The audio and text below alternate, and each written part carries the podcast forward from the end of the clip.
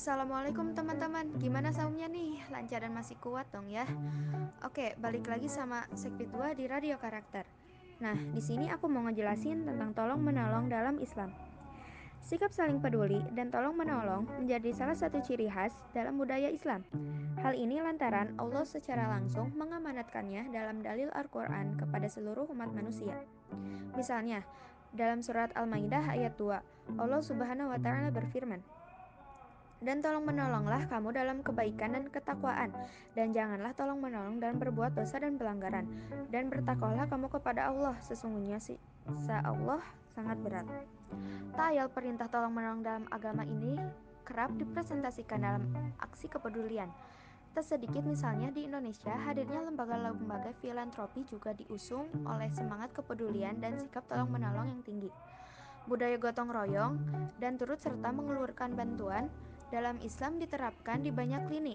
Sudah sepatutnya manusia bersyukur karena Allah Subhanahu wa taala dapat memberikan kesempatan kepadanya untuk memberikan bantuan kepada orang lain, bukan justru meminta kepada orang lain untuk bersyukur dan berterima kasih kepada kita.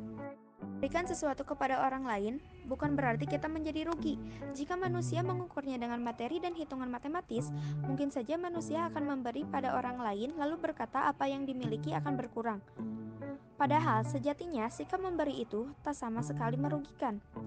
Asalkan nilai pemberian itu dilandasi dengan ketulusan, keikhlasan, dan juga keimanan, membantu dalam kebaikan seberapapun besar dan kecilnya nilai akan terasa ringan apabila dilakukan dengan tulus dan ikhlas.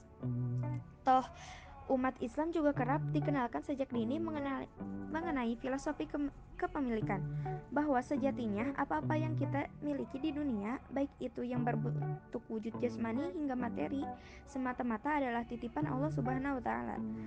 Dengan titipan itu, manusia diminta pertanggungjawabannya kelak di akhirat. Dengan menyadari bahwa apa yang kita miliki hanyalah titipan Allah semata, maka budaya budaya saling berbagi dan peduli dalam Islam pun begitu kuat. Bahkan dalam hadis, Rasulullah berkata bahwa siapa yang melapangkan suatu kesusahan dunia dari seorang muslim, maka Allah akan melapangkan satu kesusahan dirinya di hari kiamat. Nah, itu tadi penjelasan dari tolong menolong dalam Islam. Semoga bermanfaat bagi kita semua. Semoga ini men bisa menjadi amal ibadah kita di bulan Ramadan ini.